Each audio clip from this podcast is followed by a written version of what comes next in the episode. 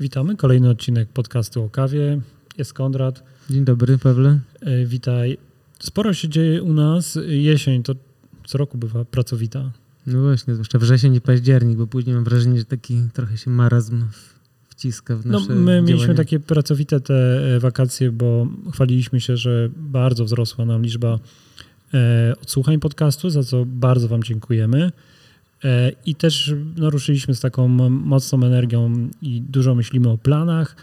E, Są pewne tego efekty. Zapraszamy Was na serwis Patronite, bo jesteśmy już tam z podcastem. patronite.pl łamane na podcast do kawie. No liczymy na to, że e, wesprzecie nas tak, żebyśmy mogli na przykład nagrywać rzetelnie co dwa tygodnie, na przykład w każdy wtorek o 13 albo w każdy czwartek o 17 wypuścić odcinek, albo żebyśmy mogli nagrywać wszystko na wideo.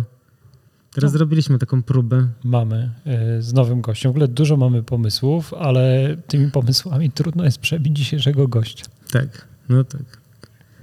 Krzysztof Barabosz. Tak, jeśli myślicie, że Hard Beans, e, z którym kojarzycie Krzysztofa, to palarnia kawy, to, po się tym odcinku Bardzo mylicie. bardzo mylicie. E, To jest dobrze naoliwiona maszyna. Mhm. No to jest w ogóle jakieś takie połączenie centrum badawczego z fabryką sprzętu, z, eks- z eksporterem wiedzy i, i jakiś, nie wiem, idei na Bliski Wschód. I z dobrze zorganizowanym przedsiębiorstwem. Mhm. Słuchajcie, A przy okazji Krzysztof ma siedem młynków komendanta. Nie wiem, czy i ktoś tym- podpytaliśmy, czy warto wymieniać na nowy. No właśnie, on ma Taki ten nowy. temat jest. On ma ten nowy młynek i powiem wam podcaście dlaczego albo dlaczego nie wymieniać starego komesia na nowego komesia. Mimo wszystko to taki odcinek z akcentem biznesowym, więc jeżeli Mhm. też działacie w biznesie i prowadzicie kawiarnię albo palarnię, No właśnie, bo Krzysztof na przykład omawia badania, w których sprawdzili jak przechowywać kawę. I to Mhm. nie są takie, wiecie, frikowskie historie, tylko to taka prosta, rzetelna i fajna wiedza. I Krzysztof przyjechał specjalnie, żeby z nami porozmawiać z Opola pociągiem i miał na plecach plecak, a w plecaku miał e, kilka, rzeczy, kilka, po prostu no cały plecak miał wypchany rzeczami, które nam zostawił, żebyśmy mogli wam rozdać. Także śledźcie nasze media społecznościowe. Teraz damy wam rzeczy od Krzysztofa i Instagram. od Hardbeans. Dokładnie tak. E, I też dołączcie do naszego newslettera na podcastokawie.pl. Też trochę odświeżyliśmy stronę. E, Jest, jest miejsce na zostawienie swojego maila i wtedy będziemy Ja to w jestem w ogóle w szoku, Paweł. Jak, jak ty w ogóle to, to zrobiłeś? Wszedłem na tą stronę pewnego dnia, ona wygląda zupełnie inaczej niż ostatnio. Hmm. No te wszystkie nowe technologie. Kilka kliknięć i jest nowy Te układ. WordPressu. Pewnie siedziałeś dwa dni nad tym. Mm, Nie, ale zawsze to zajmuje więcej niż by się chciało. No, trochę zmierzasz do tego, że y, praca nad podcastem można powiedzieć, że jest po prostu pracą. Tak, jest angażujące. Dlatego myślcie ciepło o nas i o Patronajcie i posłuchajcie naprawdę bardzo fajnej, ciekawej, otwierającej oczy i uszy rozmowy z Krzysztofem Baraboszem. Świetny koleś. Bardzo jesteśmy zaskoczeni. Jestem pod ogromnym wrażeniem Ja też. działania Hard Beans. Ja myślałem, że to duża firma, a teraz to myślę, że to jest jeszcze dużo więcej. Jeśli myślicie, że dużo w kawie to dzieje się w tych miastach, których są popularne kawiarnie, to po tym odcinku możecie się trochę zdziwić. No właśnie, to zapraszamy, jak to mówi Krzysztof, na, na małą wieś w Opole.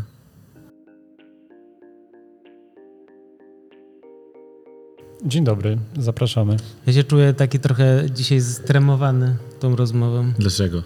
No dlatego, że przyjechał do nas człowiek, który robi doktorat z kawy i który stawia trzecią halę kawową. I przyjechał specjalnie dla nas, to nam bardzo miło. No, zawsze to jakaś okazja wyrwania się ze wsi. Ze wsi. Witamy w wielkim mieście, w Krzysztof, Warszawie. Krzysztof Barabosz, Hard Beans, Coffee Roasters, Tak mówią. Opole, miasto wojewódzkie. No, większe od Miami w powierzchni. To zawsze powtarzam. Ja, ja w weekend wrzuciłem zapowiedź tego odcinka na media społecznościowe i tam kilka twoich y, nie wiem, takich tytułów skopiowałem wiesz, z jakiegoś serwisu społecznościowego e, i napisałem, że jak się spotkamy, to dokładnie powiesz, czym się zajmujesz, bo tam sporo było. Od y, mistrza ceremonii, Wszystko. Na przestrzeni dekady ponad w kawie e, już, już się wszystko przewinęło. Od, od zmywakowego na początku, wiadomo, trzeba zacząć w ten sposób poprzez baristę, kierownika kawiarni, a równolegle mm, działalność taka społeczna, czyli organizacja e, zawodów baristycznych, Proinfuzja, Liga Baristów, e, takie różne zawody nasze wymyślone, jak, jak livestream, e, Latte Art Battle, który robiliśmy ze Szwedami, Komandante Cup, no i ostatecznie y, przez prawie 5 lat y, SCA i organizacja Mistrzostw Polski Barista. Łącznie tych eventów y, do zakończenia tak zwanej kariery eventowej, która była w ubiegłym roku w Warszawie w, we wrześniu, w październiku, około 100 imprez współorganizowałem w no kraju właśnie, i za granicą. Chyba wiele osób ze świata kawy najbardziej możecie kojarzyć i twój głos właśnie jako prowadzącego, jako MC, mistrza ceremonii z, z Mistrzostw Polski, z różnych y, imprez kawowych. Tak, no ale no, twój główny tytuł, rozumiem teraz, to jest... to jest dobre head, pytanie. Head of, head of coffee, tak? Oficjalnie różne mam stanowiska. Mhm. Head of Coffee to jest takie e, uniwersalne i chyba najbardziej dopasowane. E, Jak mamy rozumieć tego head of coffee? Czyli osoba odpowiedzialna, w pełni odpowiedzialna za wszystko, co jest związane w, z kawą e, w, w branchu zwanym Hard Beans Coffee Roasters, ogólnie już Hard Beans, czyli matce, firmie matce, czyli od zielonego ziarna po wypalenie, kontrolę jakości, ale też całą działalność badawczą, e, projekty badawcze i rozwój e, firmy. No dobra, to po, po kolei, bo cały czas y, twoje nazwisko istnieje na opakowaniu, widzę twoje nazwisko, twój autograf w zasadzie na opakowaniach kawy z Hard Beans e, jako head roastera, tak? Dobrze, Tak. że spojrzałeś na tą paczkę? Nadal e, najdroższe kawy wypalam ja. Roast master, roast master, no właśnie, no i palenie kawy, no to jest taka żmudna, mrówcza praca. Palisz, palisz jeszcze trochę kawy, tak? No, zdarza mi się, tak. Jeszcze, jeszcze mi się zdarza. Kilka tych tysięcy baczy wypaliłem. Nadal gdzieś jestem e, na początku tego procesu, czyli zawsze jak wdra- wdrażamy nową kawę, e, to profilowanie, e, wybór odpowiedniego profilu i, i ustawień pieca, potem żmudne cuppingi, sam, sam dobrze wiesz jak to jest. E, To jest jeszcze nadal moje zadanie, ale jak już dojdziemy do wypracowanego profilu, to wtedy e, już on jest e, oczywiście udoskonalany przez, przez zarówno Piotra, teraz Grzesia, którzy stoją przy piecu i oni tak naprawdę wypalają 90% produkcji naszych kaw. Ja natomiast dbam o to, żeby smakowało to w filiżance, czyli jeżeli coś jest do skorygowania, zawsze mamy taki dzień w piątek, kiedy to stawiamy sobie wiele filiżanek na stole produkcyjnych, odpalamy Cropstera, od- odpalamy wszystkie linie i analizujemy, co można ewentualnie poprawić, e, żeby następny wypał był e, lepszy. Oczywiście zawsze jest tak, że ostatni batch jest tym najlepiej smakującym na stole, e, ale, ale No tak. to chyba faktycznie dużo tych filiżanek musicie postawić, bo też wasze menu, to ile macie kaw w ofercie jest imponujące. Dużo macie kaw, prawda? I to są też takie kawy. Dużo, no. Na, od, od samego początku mieliśmy 190 kaw. Od samego początku istnienia palarni, bo gdzieś tam w, w, w Green Coffee na Cropsterze mi ostatnio pykł, pyknęło 190, więc 190 kaw udało nam się mieć w ofercie różnych. A teraz ile macie? Pamiętasz? Kilkanaście pewnie, co? Kilkanaście na pewno. Kilkanaście, na pewno 10. 10, może troszkę myślę, więcej, ponad więcej. 10. E, jakbym się zastanowił, to na pewno bym do tego doszedł. Więc tak, no jak robimy cupping, to jest tych filiżanek 15-20 na stole. Oczywiście nie stawiamy wszystkiego.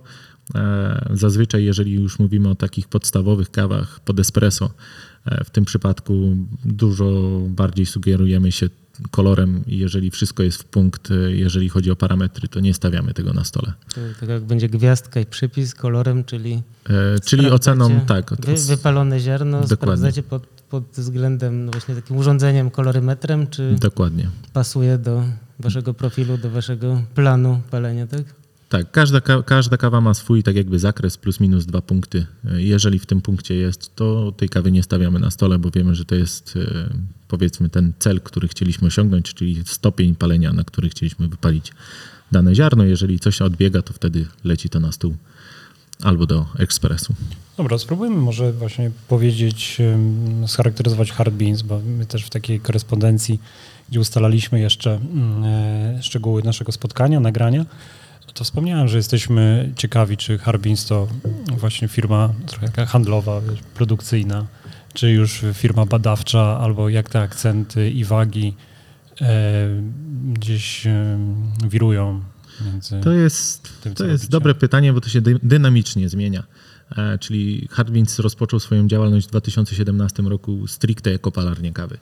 E, ale ta palarnia kawy od razu była działem takim badawczym, bo od razu e, budując palarnię chcieliśmy odpowiedzieć na kilka takich kluczowych pytań, tak jak ten największy projekt, który właśnie się kończy, y, to jak przechowywać zielone ziarno, żeby w momencie, kiedy inwestujemy w dość drogi surowiec, e, mieć pewność i gwarancję, że, że jakość tego surowca nie spadnie drastycznie przez to, że coś nie dochowaliśmy my jako palarnia. No i jak długo ten, ten y, projekt prowadziliście? Trzy lata. Trzy lata. Trzy lata, choć e, wszystkie próbki jeszcze mam w magazynie, e, po 10 próbek z każdej kawy od zbiorów 2018 przez zbiory 2019 i 2021 e, i chcę te kawy jeszcze tak trzymać parę lat tym magazynie i, I to potem był to projekt zbadać. finansowany z środków Unii Europejskiej, tak? Bo to Tak. jest może istotne, mhm, Tak, żeby tak tutaj- złapać kontekst tego, co robicie. Tak, tutaj sporo, staramy się sporo e, korzystać, na ile jest to e, możliwe e, z grantów Unii Europejskiej, ale też grantów Narodowego Centrum Badań i Rozwoju, bo jeden duży projekt właśnie zielonego ziarna, czyli stworzenie tych i sprawdzenie i stworzenie idealnych warunków do przechowywania zielonego e, ziarna to był projekt uni- unijny. Natomiast e, takie urządzenia jak hard tank, czyli, czyli, czyli nasz macerator, czy macerator, perkolator do Poczekaj, produkcji zanim cold brew, przejdziemy do waszego Mhm. nowego dziecka, do hardtanka i do starego i to nowego, wracajmy to... jeszcze do palarni. No Nie, nie, to ja bym chciał, żebyś powiedział, e, podsumował jednym zdaniem trzyletni proces Projekt. badawczy. To znaczy, co wam wyszło z tego? Jak przechowywać kawę, żeby było dobrze? Po pierwszy rok, żeby też e, troszkę to rozjaśnić, pierwszy rok przechowania kawy robiliśmy bardziej e, w celu poznania metodyki i co zbadać najlepiej, żeby osiągnąć dobre rezultaty. Tutaj współpracujemy z Instytutem Ciężkiej Syntezy Organicznej. E, To jest sieć Łukasiewicz e, w Blachowni w Kędzierzynie-Koźlu, więc tam... Ciężka synteza organiczna. Tak, tam się dzieje dużo chemii. E, trzeba było się uczyć w szkole. Nie słuchałem na chemii aż tak Ja bardzo, to- teraz ja muszę nadrabiać. nie słuchałem. Więc, więc pierwszy rok postawiliśmy sobie za cel, żeby poznać tą metodologię i jak najlepiej przygotować się do tego badania. W drugim roku ponownie kawy, które pochodziły bezpośrednio z plantacji, na których też miałem okazję być, wprowadziliśmy do magazynu e, i przez 15 miesięcy regularnie co miesiąc zielone ziarno i palone ziarno było oceniane, również e, sensorycznie, czyli mieliśmy tak zwane sesje cuppingowe, e, podwójna ślepa próba, potrójne kodowanie, więc nie było szans wiedzieć, No co to- jest w filiżance. Mhm. Tu się w tobie odezwał naukowiec. Troszkę tak. Próbujesz nam tu wyjaśnić, że było wszystko dobrze zbadane, my w to wierzymy, a teraz E, i- powiedz tym tak. wszystkim Rezultatem, palaczom. rezultatem, e, jaki uzyskaliśmy, jest zaskak- zaskakujący i co zabawne, teraz się powtórzył. Mhm. E, Najlepszymi wynikami i najlepszymi warunkami do przechowywania zielonego ziarna było 10 stopni i worki jutowe. No właśnie, jak to napisałeś pierwszy raz na LinkedInie, to ja zrobiłem, znaczy nie zrobiłem, bo nie wiem, ale jakbym umiał, to bym zrobił taką ikonkę z takiej żaby z wielkimi oczami. Tak, to, no, dla nas też to było y, zadziwiające z tego względu, że mm, założeniem całym projektu na, na początku w 2018 roku było to, że mrożenie jest najlepsze. I taka była nasza hipoteza. Mrożenie już udało nam się wykluczyć po pierwszym roku, że, że wcale nie. Dla kawy palonej tak, bo tam jest bardzo, niskie, bardzo niska aktywność wody i bardzo niska wilgotność, więc tutaj mrożenie y, jak najbardziej przedłuża świeżość. To doktor Samo Smyrkę z Hawu z, z Curychu przebadał bardzo dobrze i jego badania są dostępne online. Natomiast w przypadku zielonego ziarna mrożenie nie. E, 10 stopni.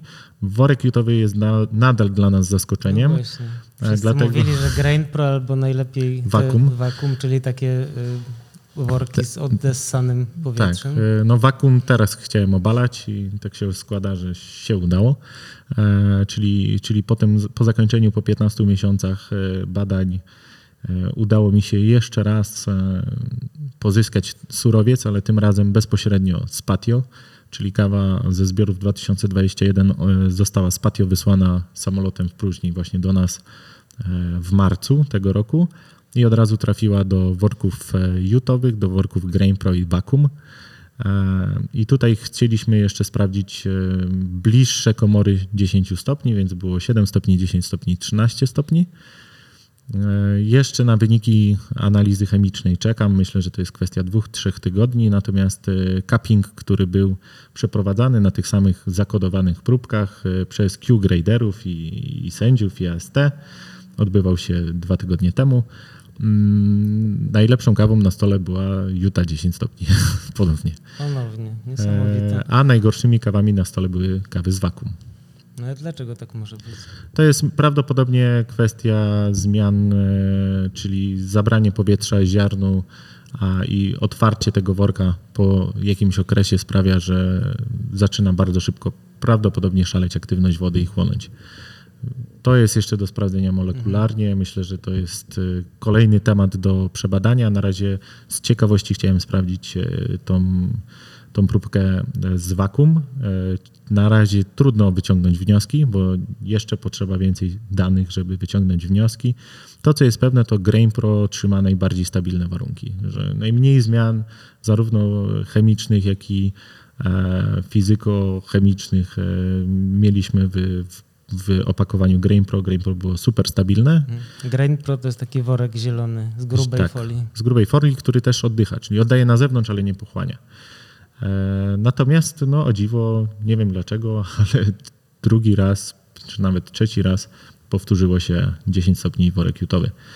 Najwyżej punktowany. To jest tak, że nie było wcześniej takich danych, takich badań na Nie. rynku. Nie ma. One są bardzo użyteczne z punktu widzenia właściciela palarni. Myślę, że jeżeli, jeżeli opracujemy, bo tutaj kilka artykułów naukowych wyjdzie, już jeden na, na ResearchGate i Scientific Reports będzie niebawem. To jest taki po 12 miesiącach. Jeszcze chcemy wypuścić taki całościowy. Problem jest taki, że ilość danych, e, jakie mamy z tego projektu jest tak ogromna, że ciężko to zawrzeć w jednym artykule, ale staramy się w dwóch, trzech artykułach zamknąć ten projekt. Oczywiście wszystkie będą open source, więc e, dostępne dla całej społeczności. E, I chcemy pokazać, że naukowo gdzieś tam potwierdziliśmy, że, że przechowywanie w około 10 stopniach, e, najlepiej też w Grain Pro, no bo to jest stabilne.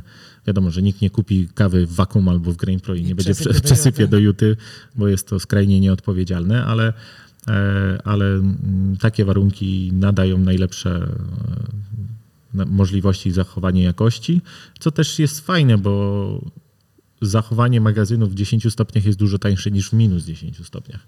Więc pod względem ekonomicznym e, jak najbardziej 10-13 stopni e, to są fajne warunki. Na ten moment nasz główny magazyn jest ustawiony na 13 stopni.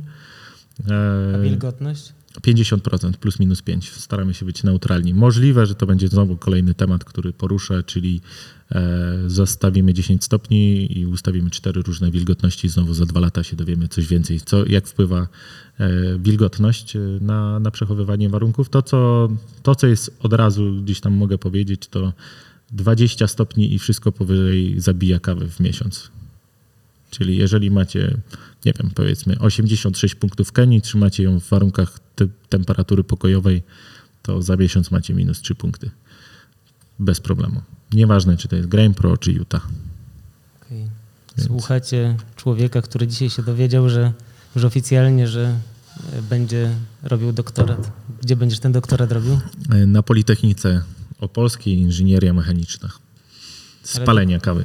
No właśnie, mówiłeś, e, pisałeś, że to będzie pierwszy w Polsce doktorat e, z kawy speciality, że tak powiem. Tak, no nie wiadomo mi nic o innym, a, a staraliśmy się szukać prac naukowych na ten temat, nie ma. Tutaj też będzie taki temat dość ciekawy, poruszany, czyli relatywność tekstury ziarna e, i jej wpływ na wypalanie kawy. Czyli jak struktura ziarna, chropowatość, porowatość, mapowanie i ocena tych parametrów ziarna może się przełożyć, albo czy się przełoży na lepsze profilowanie kawy, czyli lepszy transfer energii do ziarna. Zobaczymy za 4 lata, bo to jest czteroletni przewód doktorski. A powiedz mi, tak się zastanawiam, bo wiesz, w palarni gdzieś ta kawa jest składowana. Tam mówiłeś o tej znaczeniu temperatury, y, aby zachować jej jakość, ale jeszcze zanim ona dotrze do palarni, no to też pewnie jest, teraz można powiedzieć, narażona na wyższą temperaturę. Jak jest z tą jakością, wiesz? No, No to jest ogromny problem, bo ciężko jest kontrolować transport, e, a on zajmuje bardzo dużo czasu. Chociażby ten rok pokazuje, jak opóźnienia w kontenerach e, przekładają się na to, że chociażby, nie wiem, Kenie się pojawiły dopiero w lipcu. E, Teraz spływają Etiopie, gdzie zazwyczaj one są w maju, więc mamy już e, 2-3 miesiące opóźnienia. Same, same te Guatemale, które e, aktualnie zakończyliśmy e, ocenę, e, Finca La Maravilla i El Oregano, e, to są dwie katury, jedna natural, druga washed. E, One dopiero w tym tygodniu spłynęły do Polski, gdzie my już skończyliśmy półroczne badanie nad tym ziarnem, więc y, straciliśmy pół roku, tak naprawdę odbiorcy tracą pół roku, tylko i wyłącznie kwestii e, logistycznej. No okej, jeszcze jest dry mill, jeszcze jest leżakowanie, no powiedzmy, że e, lotniczo ta kawa byłaby w maju, jeżeli by wszystko dobrze poszło. No tak, jest szansa, że ta kawa, nie mówię, że ta konkretna, bo ja też zamówiłem tą kawę, więc mam nadzieję, że ta nie, ale mogła leżeć równie dobrze w palecie w jakimś magazynie, czekając Tak. na kontener w Oczywiście. 25 stopniach, prawda? Nawet więcej, bo, bo w krajach producenckich może być cieplej. E, No da się, da się temu zaradzić, nie, nie powiem, że nie, bo, bo z Panamami tak robimy, e, gdzie po prostu jak już tylko jest ziarno gotowe, to trafia do samolotu Samolot, i przylatuje, no ale znowu kosztowo, okej, jeżeli mamy do czynienia z kawami za 100 plus dolarów, fajnie je wysłać Mhm. bo powiedzmy e, ten współczynnik em, ceny za transport lotniczy do ziarna i jakości ceny ziarna nie jest taki wysoki, ale jeż- jeżeli mamy mówić o klasycznie, nie wiem, jak już mówimy o Guatemali, Tenango, SHBP i mamy ją wpuścić w samolot, no to byłoby to skrajnie nieodpowiedzialne. e, Była dwa razy droższa. Dokładnie. E, Za sam transport. Więc tutaj plusem jest to, że dużo już e, zmian zachodzi, bo, bo też zaczynają już się pojawiać kontrolowane kontenery. One są droższe, e, ale są też kontenery, które... Kontrolowane, czyli takie klimatyzowane. Tak, tak, tak, że jest kontener, który ma tam 18-16 stopni, jest klimat w środku, jest cały czas No to tak, wszystko monitorowane. Tak samo jak te kontenery na tirach po prostu. Dokładnie. I wtedy to przyjeżdża, powiedzmy, że w kontrolowanych warunkach, e, ale nadal to jest ten kluczowy element, który też można by było zbadać, jak sam w sobie transport ma, przykłada się na No to już jakość. masz e, na habilitację Tak, to- materiał. To na kolejne 10. Ale to 10 rozumiem, lat. że no tutaj działamy, aby tak zminimalizować spadek tej jakości, tak? Czyli chodzi o magazynowanie w takiej palarni jak u Ciebie. Jak już, tak, jak już mamy ziarno w, w palarni, to co zrobić, żeby jak najdłużej to, to ziarno zachowało jakość? No, Chciałem powiedzieć, że wilgotność mamy dobrą. No wilgotność y, teoretycznie dobrze, jakby nie schodziła poniżej 40 i nie, nie przekraczała 60 zazwyczaj, e, ale jeżeli chodzi o, o temperaturę, e, no to im niżej, tym lepiej, ale nie poniżej e, 7. Bo to już zauważyliśmy, że w 5 stopniach zaczęły zachodzić zmiany jakościowe, ale to też jest e, kwestia taka, że komora trzyma plus minus 1, czyli od 4 do 6 stopni, a w 4 stopniach e, już się zmienia gęstość wody, więc e, zachodzą jakieś zmiany molekularne w samym ziarnie, nie powiem jakie, bo nie wiem, jeszcze nie, nie, nie No to- doszliśmy do tego. Postawmy kropkę tutaj tak, ale niektórzy właściciele palarni nas słuchają, także to fajnie, nie? Tak, no, im chłodniej, tym lepiej. Im chłodniej, tym lepiej. E, No, mówiliśmy właśnie o tych takich głównych y, filarach działania Hard Beans. E, To są te prace badawcze. E, Trochę przerwaliśmy, mówiłeś o przy tym finansowaniu, że Hard Tank jakby trochę jest inna historia, jeśli chodzi o no właśnie o to finansowanie, że to nie, nie unijny. Chociaż mimo wszystko jakby zmierzam do tego, co- jeszcze robicie, tak? Ale może zakończmy jeszcze ten temat właśnie odnośnie Hard Tanka. Hard Tank to jest kolejny pomysł, który rzuciliśmy na tapetę w 2018 roku, czyli no jest cold brew. Cold brew staje się coraz bardziej popularny. Widzimy je wszędzie. Też w kofeinach serwowaliśmy przez, przez wiele lat Wasze nadal, kawiarnie, Kofeiny, tak? kofeiny to kawiarnie. z których się wywodzi hard beans, czyli, tak. czyli tak jakby e, góra, dziadkowie hard beansa, rodzice hard beansa, to, to kofeiny. E, więc e, problem był taki, że ciężko było zawsze o powtarzalność, ten smak był utleniony. No E, powiedzmy sobie wprost, że jak wkładamy na dobę dużo kawy do dużej ilości wody, jeszcze tego się nie miesza, raz jest w takiej temperaturze, raz w śmakiej, to może wyjść bardzo różne rzeczy z tego, prawda? Bardzo na- różne. Na dodatek zwykle po trzech dniach to już y, zachodzą Tak. takie zmiany, że się tego pić nie da. No, mikrobiologia to, to, to jest swoją drogą. Już robiliśmy te badania przez, przez dwa lata mikrobiologiczne. To, co się dzieje w cold brew, to nadal się dziwię, że jeszcze ludzie żyją. E, bo stężenie bakterii i różnych pleśni i drożdży to jest w ogóle kosmos. Mówisz o takich puszkowanych, butelkowanych. Nie, tak? o takich, o takich po prostu. 24 godzinach. Po 24 domu. godzinach to, to, co się dzieje w cold brew, to jest, Jak się zrobisz w domu, tak? To Tam jest galaktyka to jest to już. niebezpieczeństwo. no, jest, jest galaktyka w środku. Więc y, no, rzuciliśmy temat na, na tapetę, czyli, czyli jak zrobić to szybciej, bardziej higienicznie, łatwiej, no bo mamy do czynienia e, z, z pokoleniem ludzi, którzy potrzebują łatwych rozwiązań.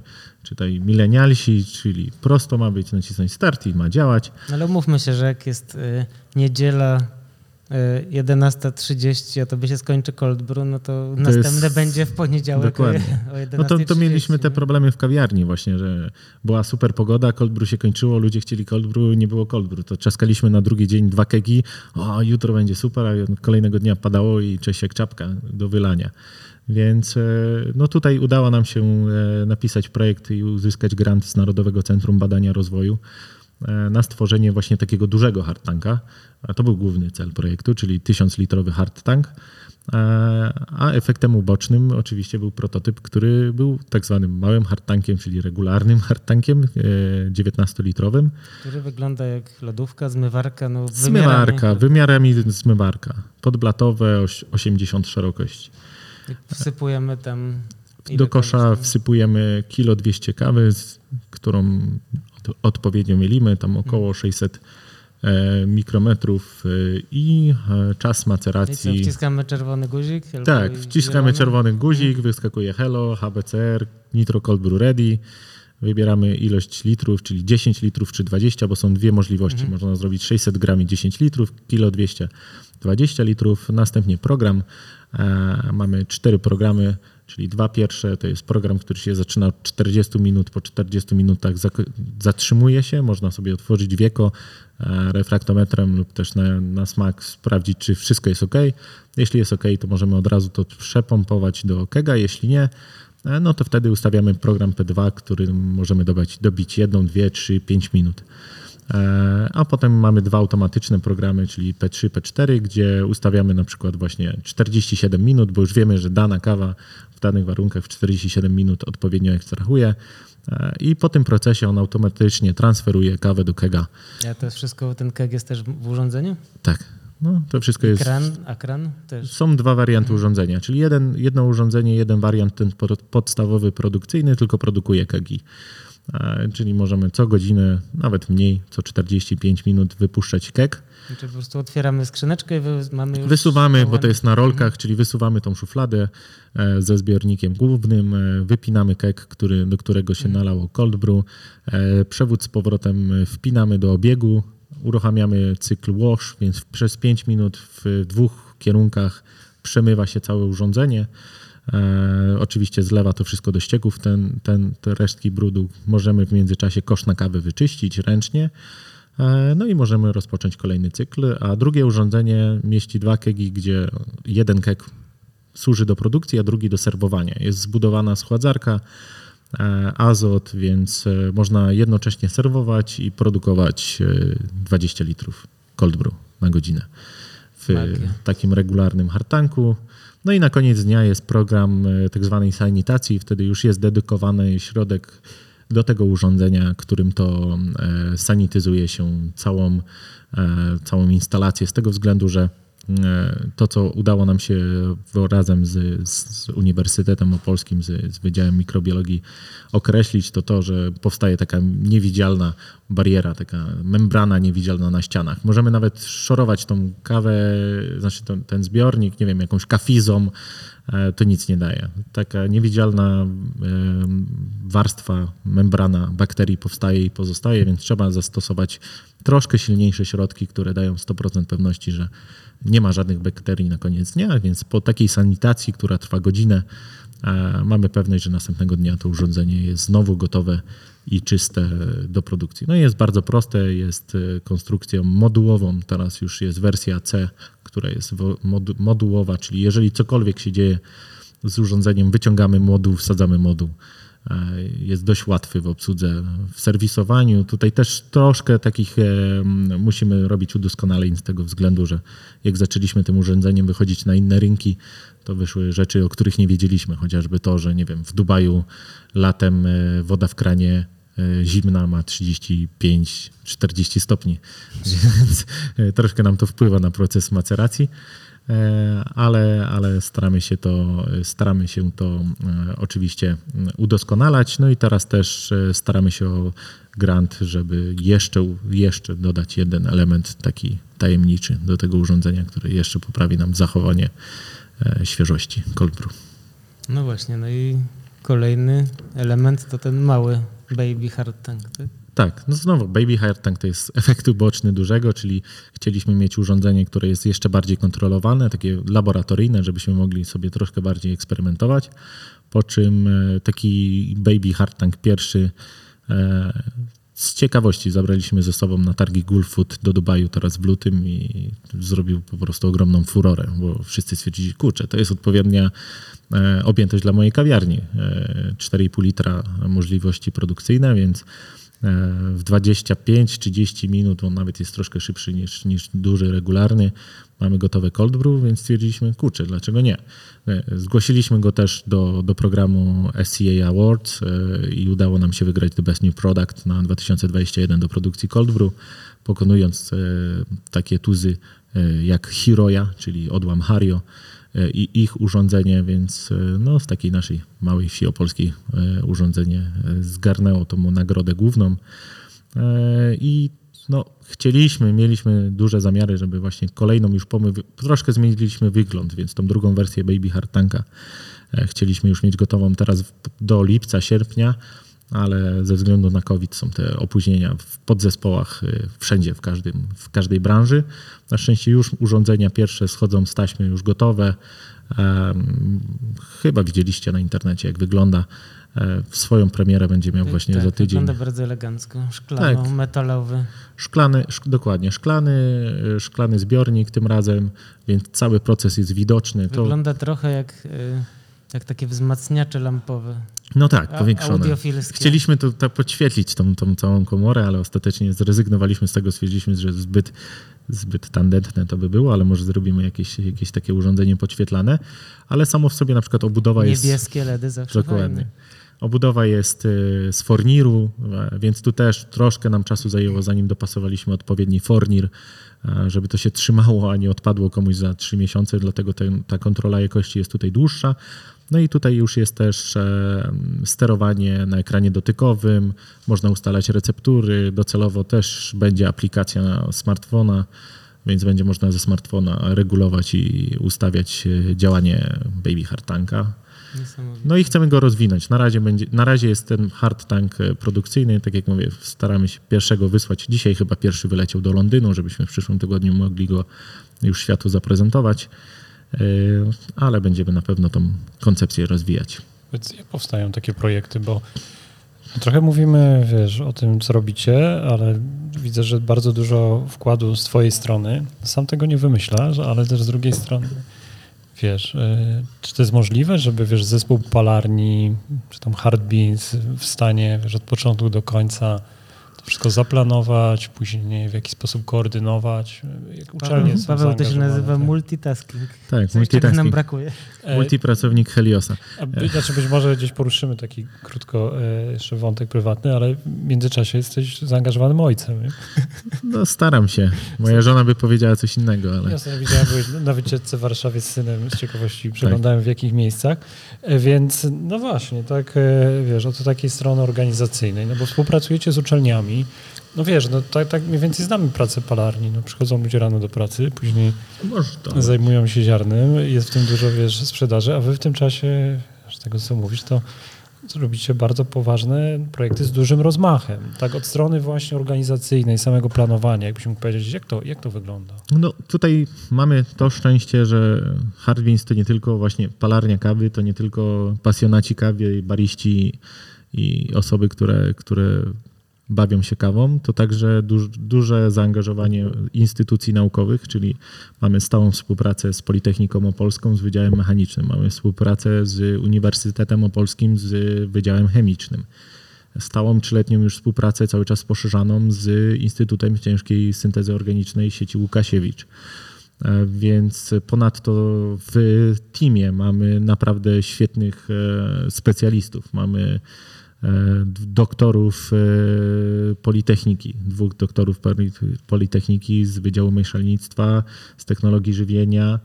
E, mamy świetnego konstruktora z wieloletnim doświadczeniem E, mamy osobę, e, która jest rewelacyjnym robotykiem, automatykiem, gdzie nie wepnie kabelek, to zaprogramuje.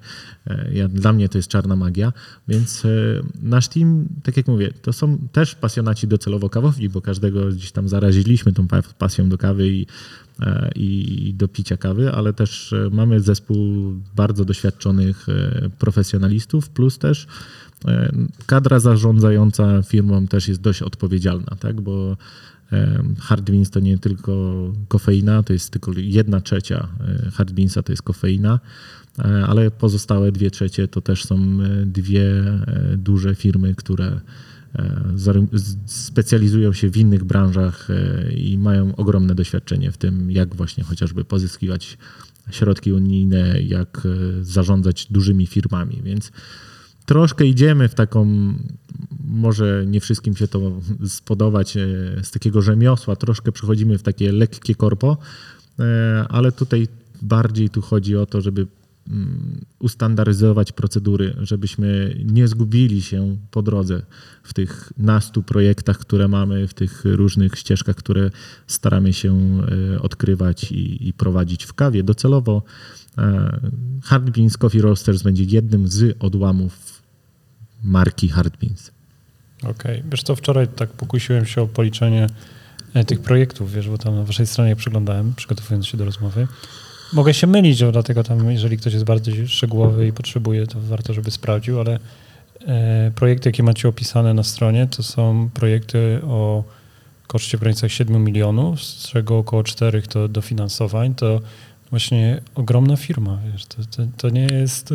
No tak, nie no jest... z kremem, wiesz. No, miałem taki artykuł, że praca Rostera to nie rurki z kremem e, w, Kraft, w magazynie Kraft. E, to, żeby a... pokazać, wiesz, jakby to, co powiedziałeś, że e, no, gdzieś pracujemy w rzemiośle, mówimy o takim, e, takim sposobie biznesu, ale no, z drugiej strony za tym też jest no, ogrom innych działań, rozwoju. Oczywiście. I to trochę to tłumaczy, to nawet próbę nazwania korporacji, jak nazwałeś. Nie? Tak jak mówię, no już na ten moment jest ponad 20 osób zatrudnionych w Harbinsie, yy, więc yy, nie możemy sobie pozwolić na to, żeby bawić się w kawę. Oczywiście jest to fajne i, i staramy się tego ducha craftu, tego ducha rzemiosła i, i, taki open space i spędzenie razem czasu. Mamy takie wspólne piątki pracownicze, e, gdzie, gdzie razem działamy, pracujemy. E, staramy się to mieć w tym, w tym duchu zachowane, z tym naszym taką e, tożsamością hardbeansa, tożsamością kofeiny, ale to, co gdzieś tam zawsze ciągnęło od lat, to to, że zawsze fokusowaliśmy się na jakości. A dzięki temu, że udało nam się mm, podjąć współpracę i to z jednostkami naukowymi e, i właśnie z firmami, które uwierzyły w ten projekt i zainwestowały, e, to możemy teraz tą naszą jakość przekształcić jeszcze w podejście naukowe, E, poszukać rozwiązań, poszukać e, projektów, e, szukać nowych patentów, nowych rozwiązań, nowych innowacji, tak jak HardTank jest naszym urządzeniem. To jest innowacja w skali świata, jest opatentowana, już patent w Polsce jest przyznany. Więc no, niewiele, myślę, palarni może się poszczycić swoim patentem, a będzie ich więcej, no bo tych urządzeń też w głowie mamy dużo tylko no, nasze, nasze głowy i nasze burzy mózgów na tyle się kończą e, wieloma pomysłami, że powiedzmy, że na najbliższe 5 lat mamy co robić. No właśnie, bo mówiłeś, że stawiacie trzecią już siedzibę, czy to będzie tak, że się do niej przeniesiecie? Częściowo, częściowo się do niej przeniesiecie, tak? Nie, to będzie tak jakby kolejny odłam mhm. Hardbeansa, czyli na ten moment mamy dwie siedziby w Opolu, to jest e, Hardbeans Coffee Roasters, czyli palarnia na Armii Krajowej, gdzie część e, z kawowych fanów e, i ludzi z kawy mogło nas odwiedzić, bo organizowaliśmy dwa razy Mistrzostwo Polski E, drugim takim miejscem, które mamy w Opolu, to jest e, w Parku Naukowo-Technologicznym nasza prototypownia, czyli to miejsce kreatywne, gdzie tworzymy nowe urządzenia, nowe technologie. No i teraz e, otwieramy linię produkcyjną. To jest też coś, co już od lat się toczy, tylko w końcu jesteśmy w stanie to mm, tego dokonać i, i postawić to na nogi, czyli linia do produkcji Nitro Cold Brew w, w puszkach. To I ona jest będzie w? W Prudniku. Prudniku. W Prudniku to jest godzin, no 40 minut drogi od Opola. Mhm. I tam będziemy stawiać e, całą linię, już sprzęty są, czekamy na ostatnie e, właśnie maszyny, które mają do nas dopłynąć, plus oczywiście trzeba wykonać całą tą kwestię konstrukcyjną, budowlaną.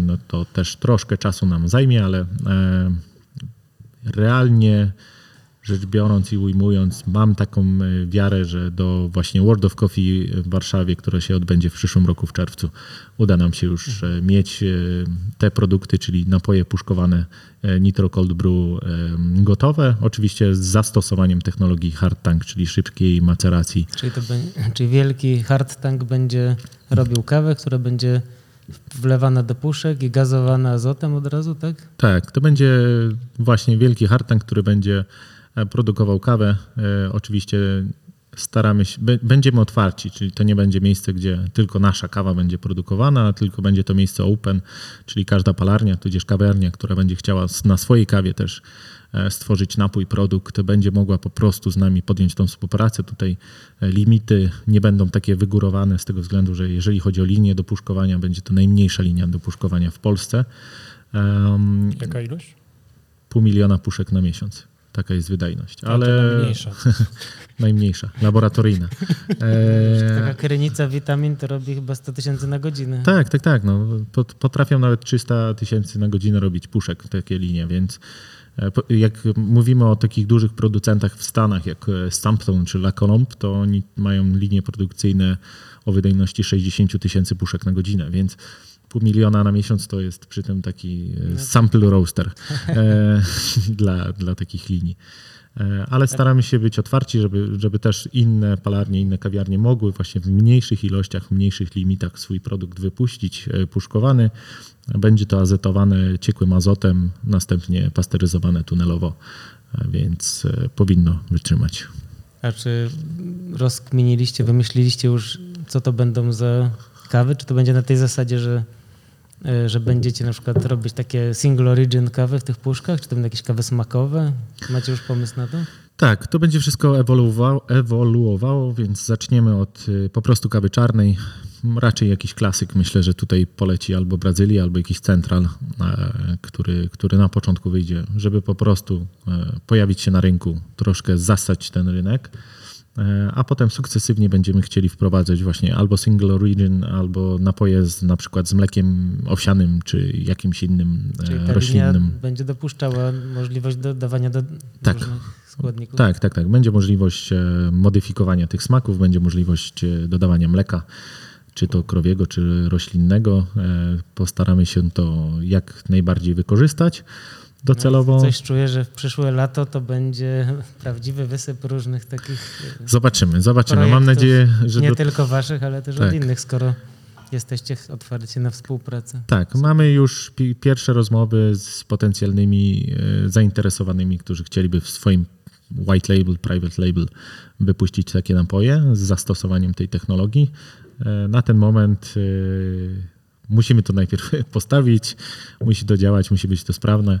E, więc, więc będziemy starali się nad tym pracować. W międzyczasie też e, oczywiście, e, jako że efektem tego będzie produkcja bardzo dużej ilości fusów, to też już pracujemy z uniwersytetem i też z ICSO. Właśnie dzisiaj kolejne fusy wyjeżdżają od nas i jesteśmy na etapie właśnie takiego researchu i badań, w jakie sposoby można wykorzystać te fusy.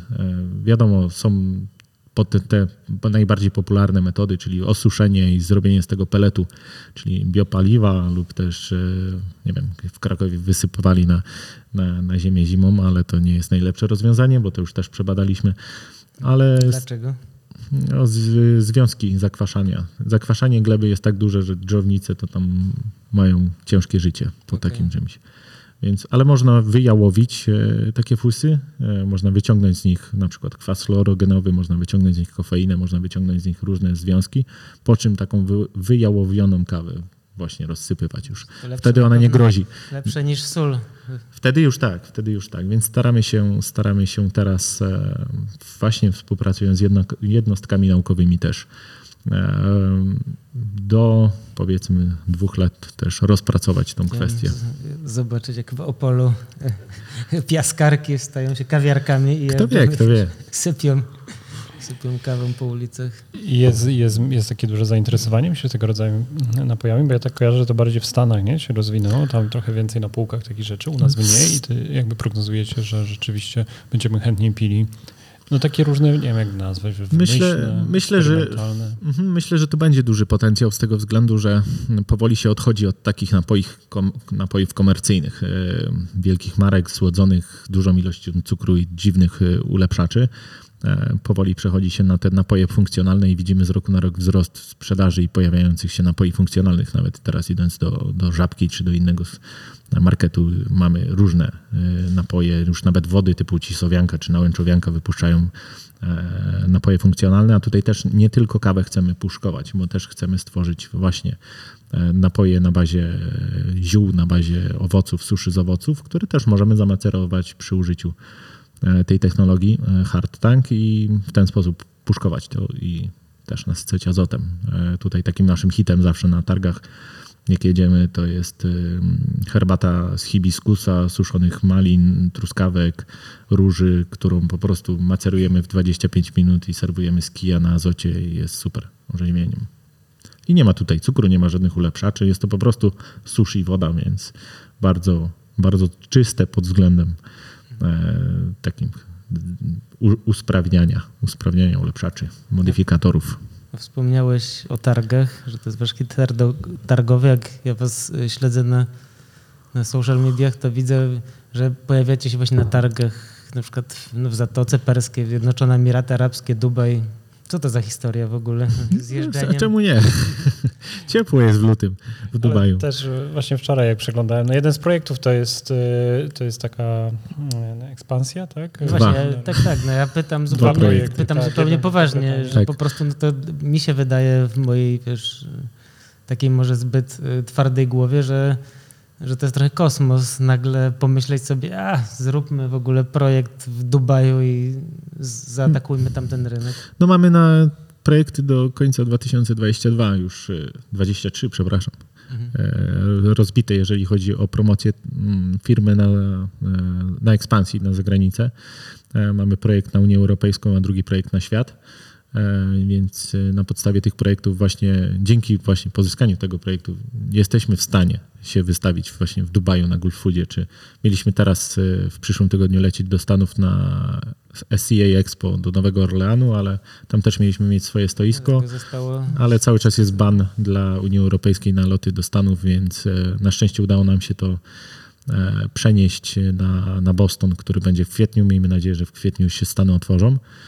E, Więc też będziemy mieć tam stoisko i to będzie stricte stoisko hardtankowe, gdzie będziemy tylko i wyłącznie pokazywać technologię hardtank, e, bo Stany są też dla nas potencjalnym klientem i w Stanach też już nasze urządzenia są. W Nowym Jorku, w Puli Collective e, już cztery hardtanki stoją, już pracują i serwują kawę. Więc, e, więc staramy się w tamten rynek uderzyć, ale też e, no, bardzo dobrym dla nas rynkiem potencjalnym, z dużym, z dużym potencjałem jest właśnie, to są Zjednoczone Emiraty Arabskie i Arabia Saudyjska. E, Zjednoczone Emiraty Arabskie już funkcjonują, tam e, Coffee Desk AE działa i są No naszymi właśnie, dystrybutorami. Taki, jakąś halę wspólnie tam oglądaliście, stawialiście? Tak, to jest, to jest, to jest, to jest Coffee Desk, który, który otworzył swój branch e, na, w Dubaju. E, a my, jako że współpracujemy z Cofideskiem jako dostawcy zarówno sprzętu, bo Cofidesk też jest oficjalnym dystrybutorem hardtanka w Polsce, więc mhm. jeżeli ktoś chce kupić hardtanka, to przez Cofidesk. Mm, dla nas to jest e, dużo łatwiej, jeżeli chodzi o producenta. Właśnie z nimi powoli gdzieś tam poszerzamy swoje y, gałęzie w, w, na Bliskim Wschodzie. Teraz też staramy się wejść do Arabii Saudyjskiej, ale tam pozwolenia są dużo, dużo trudniejsze do e, przebrnięcia, ale, ale to też jest taka misja na ten rok, gdzie jeszcze w grudniu właśnie Bliski Wschód e, postaramy się jeszcze raz zaatakować.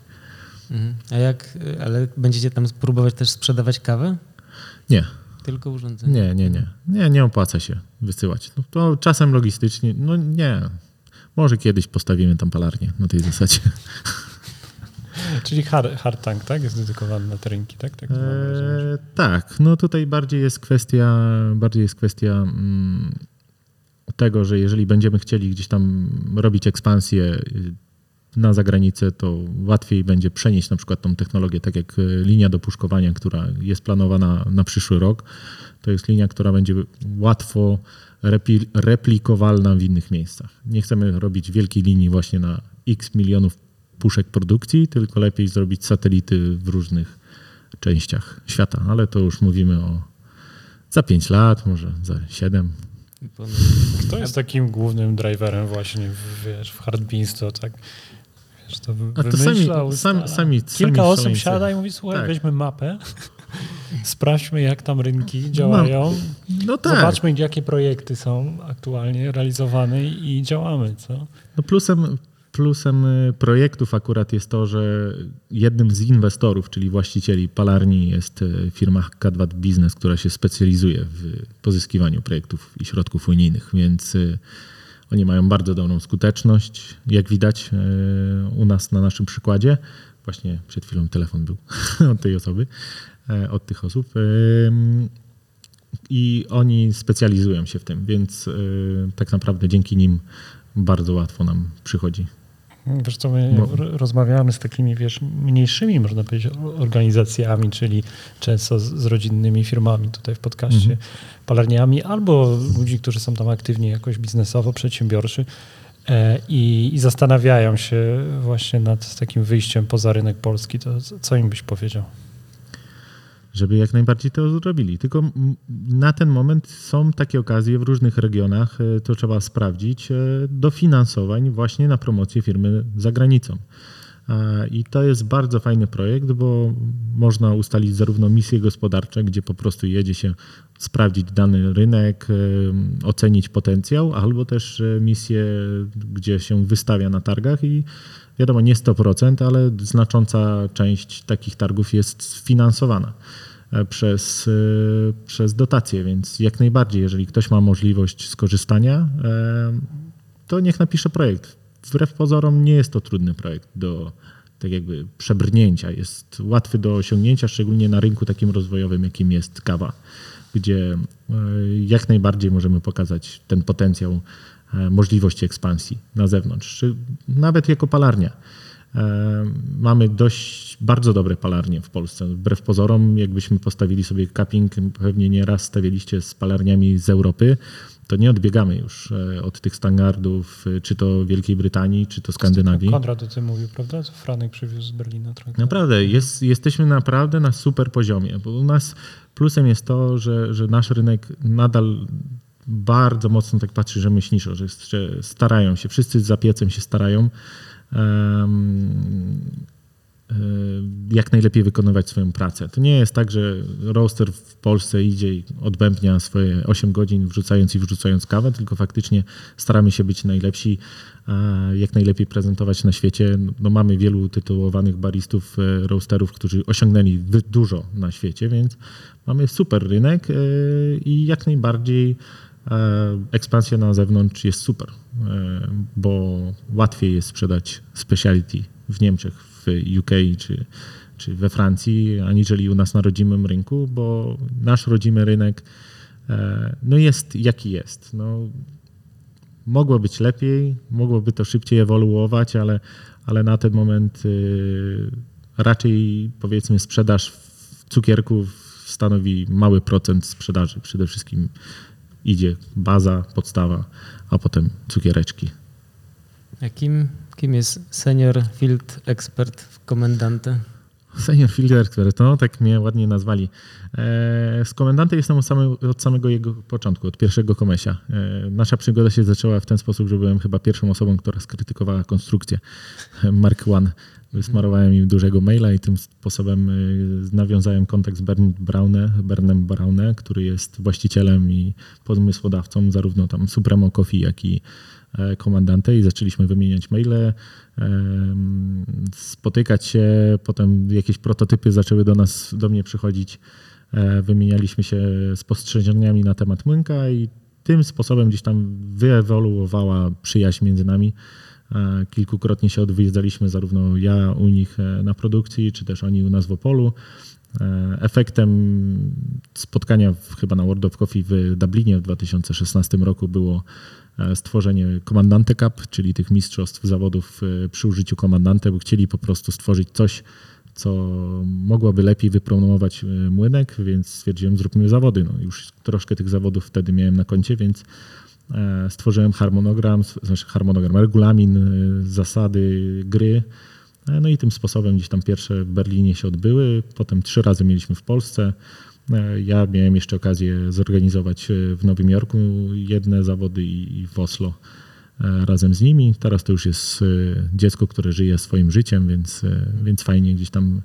E, Te zawody są działać. kontynuowane, tak? Tak, tak, tak. No teraz przez pandemię wszystko jest zawieszone, ale jak to była tylko... jednorazowa akcja, nie? Nie, nie, nie. Trzykrotnie było w Polsce. Trzy lata z rzędu robiliśmy u nas, raz w kofeinie, dwa razy w Hardbeansie. Em, No i teraz jak tylko wróci po pandemii, wrócimy do normalności, to myślę, że, że też komandant TK wróci e, na, na, na, na scenę. Em, Tak więc tak to Czyli działa. jesteś, jesteś e, nie tylko przyjacielem, ale też takim, e, techno, e, takim trochę pilotem testowym tych nowych rozwiązań, prawda? Bo widziałem też, że testowałeś najnowszą wersję Tak, no Młynka. mam, mam, mam takie szczęście, że mam siedem komesiów w każdym. Powiedz, czy warto wymieniać, bo jest ta, taka, wiesz, burzliwe dyskusje, wiesz. Czy warto wymieniać? Ogrom ogłoszeń, sprzedam tą starszą wersję, wiesz, jak to działa? To jest tylko i wyłącznie y, body w środku zmienione, czyli nie, ziarenka nam nie utkną w korbie. E, To było gdzieś tam troszkę frustrujące, że wsypując do tej starej konstrukcji, do starego silnika tak zwanego, e, ziarenka utykały one w, w miejscu na rączkę i trzeba było to wydubywać albo wbijać, a teraz po prostu zostało to przeprojektowane tak, że wsypuje się do środka e, ziarno bez problemów i bez przeszkód. E, To jest jedyna zmiana. A drugą zmianą to są te słoiczki, które, które też Wam podrzuciłem, czyli polimery, e, dzięki czemu już nie są zniszczalne, można nimi rzucać, można po nich skakać, walić trafią do młotkiem. naszych słuchaczy, także zaglądajcie na Tak, nasze media więc- społecznościowe. E, Więc, e, więc to jest takie drugie udoskonalenie, ale jeżeli chodzi o samo serce, samą technologię, to Nitroblade jest niezmienny. Są już kontynuacje Nitroblade, jedną z nich mam już od paru lat, ale po co ściągać z rynku kurę znoszącą złote jaja?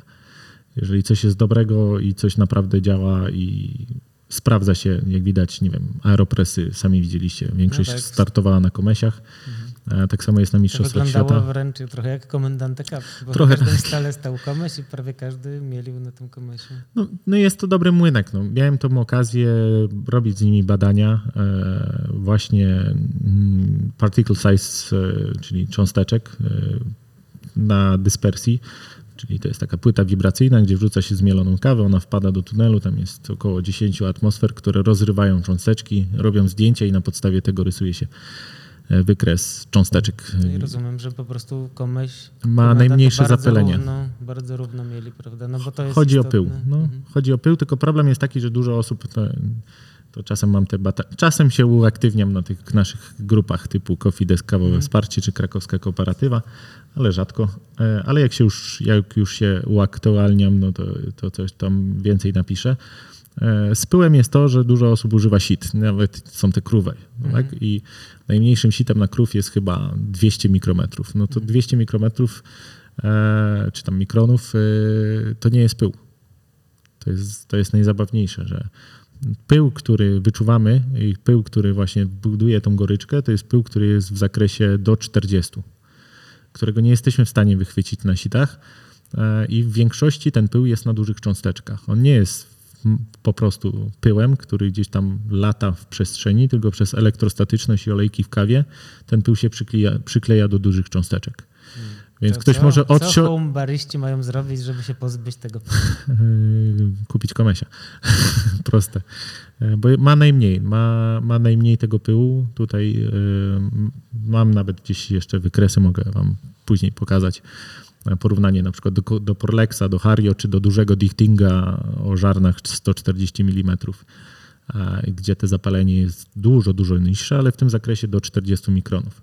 No i takie zapalenie jesteśmy jedynie w stanie ocenić no, za pomocą właśnie urządzeń już takich precyzyjnych e, do oceny cząsteczek. No tak, ja pamiętam, że kiedyś Maciek Duszek do nas przyszedł y, do Czarnej Fali. y, No tak, mieliśmy takie spotkania przed pandemią Uniwersytet Czarnej Fali i on opowiadał o parzeniu kawy, opowiadał o tym, jak startował w mistrzostwach i Polski, pracował dla Kofidesku, więc mógł wybrać dowolny młynek, którym sobie tą kawę zmieli, no bo był budżet, był, był wybór i powiedział, że przetestował kawę i jednak zawsze mu najlepiej smakowała z komendanta właśnie. Mimo, że mógł użyć młynka za 10 tysięcy na przykład. Dokładnie. Ikea.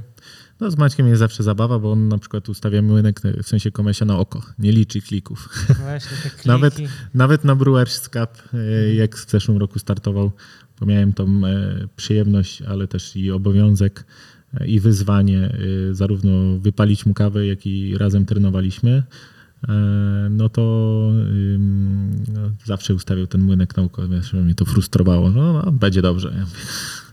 Okej. My to my z kolei nie mamy w Polarni y, komendanta i czasami i tak coraz bardziej dochodzę do wniosku, że chyba musimy go kupić, mimo że mi go nie brakuje, no bo używam tego dużego malkonika, to y, często dostajemy coraz częściej, ludzie do nas piszą, jak zmienić tą kawę, na ile klików. Ja mówię, kurczę, nie mam pojęcia, nigdy. No, my w palarni mamy tak, że mamy Ikea, mamy te wszystkie VTA i tak dalej, chociaż VTA to jest super młynek. Jak robiliśmy przesiew i analizę cząsteczek y, VTA 6S, czyli R2D2 przysłowiowy e, versus Ikea to jest przepaść. VTA jest dużo bardziej precyzyjny od Ikea.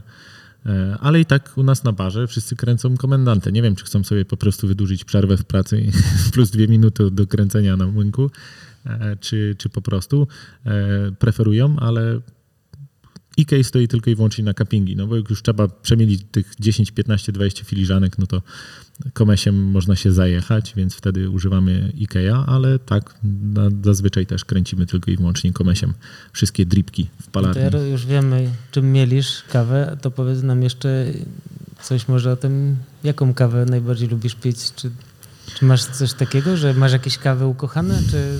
Nie, nie, tylko żeby nie był za duży ferment. To jest tego, w sensie to są e, kawy, kawy o dużej fermentacji, jakieś anaroby czy yy, barrel aged to są kawy, które, przez które nie jestem w stanie przejść. One są na tyle intensywne, że dla mnie to już jest za dużo, e, żeby czerpać z tego przyjemność. Może to jest fajne jednorazowo, żeby napić się łyka, ale nie e, na co dzień. Nie mam takiego czegoś, że preferuję. Zazwyczaj najlepiej, najlepiej mi wchodzi klasyczna brazylka, jakiś yellow bourbon. Po prostu jest dobrą kawą o smaku kawy. y, Ja właśnie też często mówię, że mi to... Ja tak miał pić jakąś kawę chyba do końca życia, to bym poszedł w jakąś Gwatemalę albo w Kolumbię. Dokładnie. Centralek, mild, fajnie umiarkowany i jak najbardziej to super, super smakuje i na co dzień jest to dobra kawa. Tak. Mm. tak jak mówisz, Guatemala, czy, czy Brazylia, czy Kolumbia. A jak parzysz kawę? Najczęściej e, V60. Najczęściej. Albo Kalita. Jak w domu to Kalita, e, a jak e, w pracy to V60. Teraz Switch troszkę bardziej tam Hario Switch, takie nowe Tak, dziecko tak, tak. z Japonii.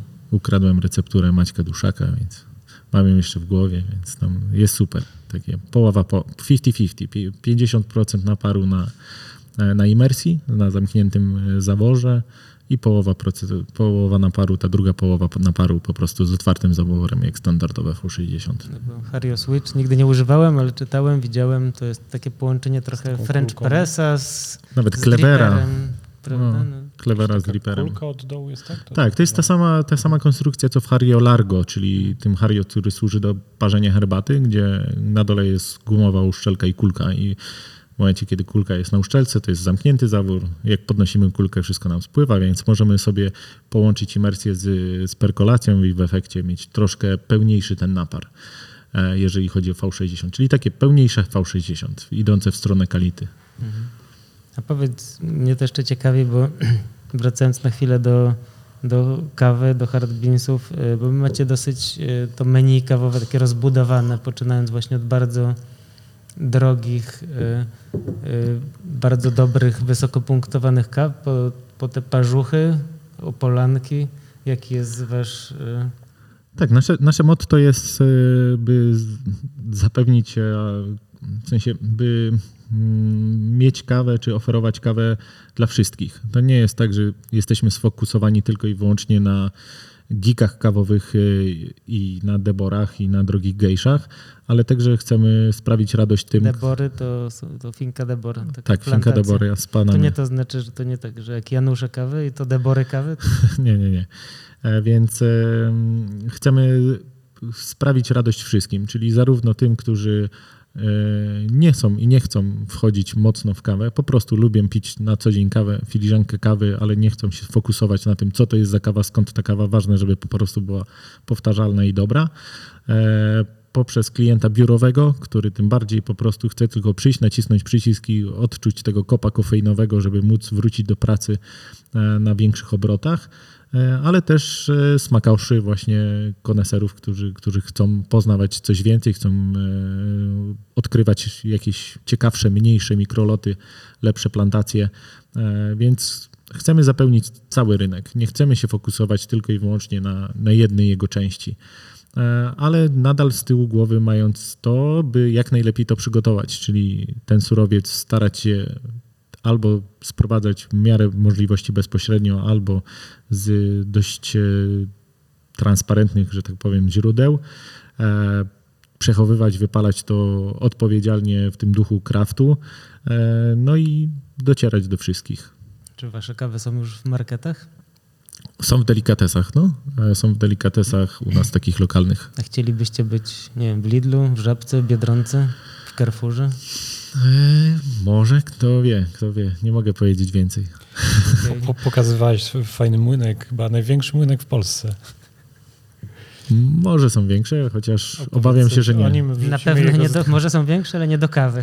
E, tak, że wrzucimy później na Instagrama, ale opowiedz, no mówiłeś o tym, że sami go budujecie dla siebie, tak? Tak, no. Mamy dział y, prototypowni, mamy dział konstruktorów, mamy dział inżynierów, y, którzy no, znają się na rzeczy i lubią, potrafią zbudować różne urządzenia i e, efektem tego, że właśnie ruszyła, rozpoczęła się pandemia i ludzie niestety nie mogli chodzić do lokali, bo zostały one zamknięte. E, Czy to słuszne, słusznie, czy nie, to, to już nie ta rozmowa, ale zauważyliśmy wzrost sprzedaży kaw mielonych. E, W efekcie tego powstała parzucha, która właśnie też miała być takim podejściem tradycyjnym, gdzie mamy dobry surowiec w środku, świeży surowiec ze świeżych zbiorów, ale co to była za kawa? To była Brazylia jakaś, tak? tak, to jest Brazylia, Campo. No, wciąż jest. Jest, cały Mhm. czas. To jest, dobrze się sprzedaje. E, I to jest parzucha, czyli, czyli troszkę ciemniej wypalona Brazylia. Czasem do tej Brazylii dorzucamy Peru. E, I mm, kawa ta jest od razu mielona. E, Mielona jest na grubość e, właśnie takiej zawlewajki. I Na tak prefer- tak, dokładnie. Tak ją preferujemy, tak została nazwana, parzucha. I całkiem fajnie mm, gdzieś tam wypełniła ten rynek. I tutaj właśnie potrzebowaliśmy młynka. No, nadal mamy VTA, czyli, czyli R2D2, który dobrze sobie radzi, ale mm, zaczęliśmy myśleć, kurczę, może by się przydał taki duży młynek przemysłowy. Ale jak sprawdziliśmy ceny, no to okej, zwątpiliśmy troszkę, na co nasi konstruktorzy powiedzieli, że a to nie problem, my to zbudujemy. No i w ten sposób właśnie budują bardzo precyzyjny, e, bo tutaj już mówimy o dużej precyzji wycięcia korpusu, e, bardzo precyzyjny młynek, e, zasilany bardzo dużym i potężnym silnikiem, więc tutaj nie będzie problemu z przegrzewaniem się żaren. Będzie też dodatkowo chłodzenie, będzie loader, będą wbudowane wagi. Mówiłeś, że te żarna mają średnicę 18 cm. 18 centymetrów, tak. No to Potwory. Spowin, powinny bez problemu zjeść te 300-400 kg kawy w godzinę. Bez jakiegoś tam zająknięcia. E, No i miejmy nadzieję, że z tym łynkiem też przyjedziemy już takim w pełni, e, w pełni gotowym, czy też e, detalicznie wykonanym e, na World of Coffee w Warszawie. Na World of Coffee w Warszawie chcielibyśmy zaprezentować nie tylko siebie ze strony i z punktu widzenia palarni kawy, oczywiście to też jest jakieś nasze clue i nasz filar, ale też e, z działalności tej naukowej, dlatego też będziemy zapraszać różnych naukowców na nasze stoisko, którzy będą prowadzić e, wykłady i warsztaty na temat kawy i, i nauki. E, No i postaramy się zaprezentować kilka urządzeń, czyli hard tank, baby hard tank, e, może tego wielkiego bydlaka przywieziemy ze sobą, e, no i młynek. E, No jeśli część słuchaczy jeszcze nie dotarła do informacji, to w czerwcu 2022, tak? Jest planowany ten Tak, w trzecim tygodniu czerwca e, 2022 w końcu odbędzie się przeniesione już, bo to miały być targi w 2020 roku, a World of Coffee, czyli Mistrzostwa Świata Baristów z- i e, największe targi takie europejskie z segmentu speciality. E, Tam są dwie hale i to będzie w Ptaku w Nadarzynie. Nadarzynie. Ja chciałbym jeszcze zapytać o jedną rzecz, być może to już będzie ostatni temat, który poruszymy, bo e, mówiłeś, że w ciągu najbliższych dwóch lat, może nawet szybciej, chcielibyście wszystkie kawy, które palicie, sprowadzać sami. Podtrzymujesz tą opinię? Tą- Tak, to jest gdzieś tam mój cel z tyłu głowy, żeby tak było. W tym roku już udało nam się tą naszą podstawową Brazylię już zakupić bezpośrednio, już podjąć tą współpracę bezpośrednio z, z Sankofi, z Campo das Vertentes, z regionu, mikroregionu Campo das Vertentes. E, I tutaj współpracujemy z Alanem Bortelem, z, z F- Fabrizio Andrade i z Enrique Cambrają, którzy też są właścicielami Fazendy Samambaja, z której już od kilku lat bierzemy kawę. Czy ci panowie są e, właścicielami plantacji? Tak, tak, właścicielami plantacji i też właścicielami takiej mini kooperatywy, która ma pod sobą e, 20 producentów, tak więc jak na standardy brazylijskie to jest bardzo mała kooperatywa. E, Wszyscy są zlokalizowani w regionie Campo das Vertentes e, i właśnie przez Sankof i teraz już bezpośrednio bierzemy e, naszą podstawową kawę, czyli właśnie Brazylię Campo das Vertentes, nazwaną od regionu, jak i e, Yellow Bourbon, Yellow Topacio, które jest bardzo popularne i bardzo szybko się sprzedaje, jest na początku roku. E, Teraz też mam nadzieję, że ten, ro- tegoroczny zbiór będzie e, fajny. E, I to już jest ta podstawa. Poza tym No, co to oznacza dla, dla was, jako dla y, palarni? Dla- będziecie sprowadzać bezpośrednio, to znaczy, że będziecie mieli mniejszy wybór kaw, no bo ciężko sprowadzić I jest dużo ciężko, kaw? bo tutaj zawsze można się e, dorzucić do kontenera na tej zasadzie. E, Czyli często jest tak, że e, rozmawiam, kontraktuję kawę bezpośrednio u producenta, a rozmawiam z firmą, która mi po prostu Mhm. wrzuci do kontenera kilka worków i sprowadzi to do Polski. Z tym nie Czyli jest problem. trzeba kupować u producentów kawy na kontenery.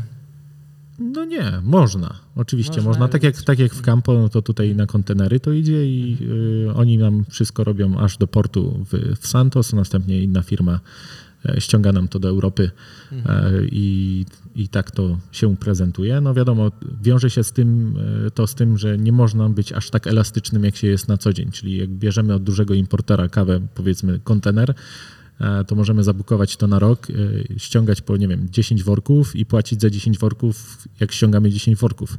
Mhm. W przypadku kontraktacji bezpośredniej u producenta, no to upfront 100%. E, Więc No tak, trzeba troszkę problem, zamrozić e, pieniędzy, ale też no, nie jest to bariera nie do przeskoczenia. Nie do przeskoczenia. Rozumiem, że dla taka, taka, taki tak zwany direct trade, czyli to sprowadzenie bezpośrednie, to dla farmerów z kolei jest o tyle może być dobre, atrakcyjne, że oni dostaną po prostu trochę więcej pieniędzy. Oni ustalają cenę.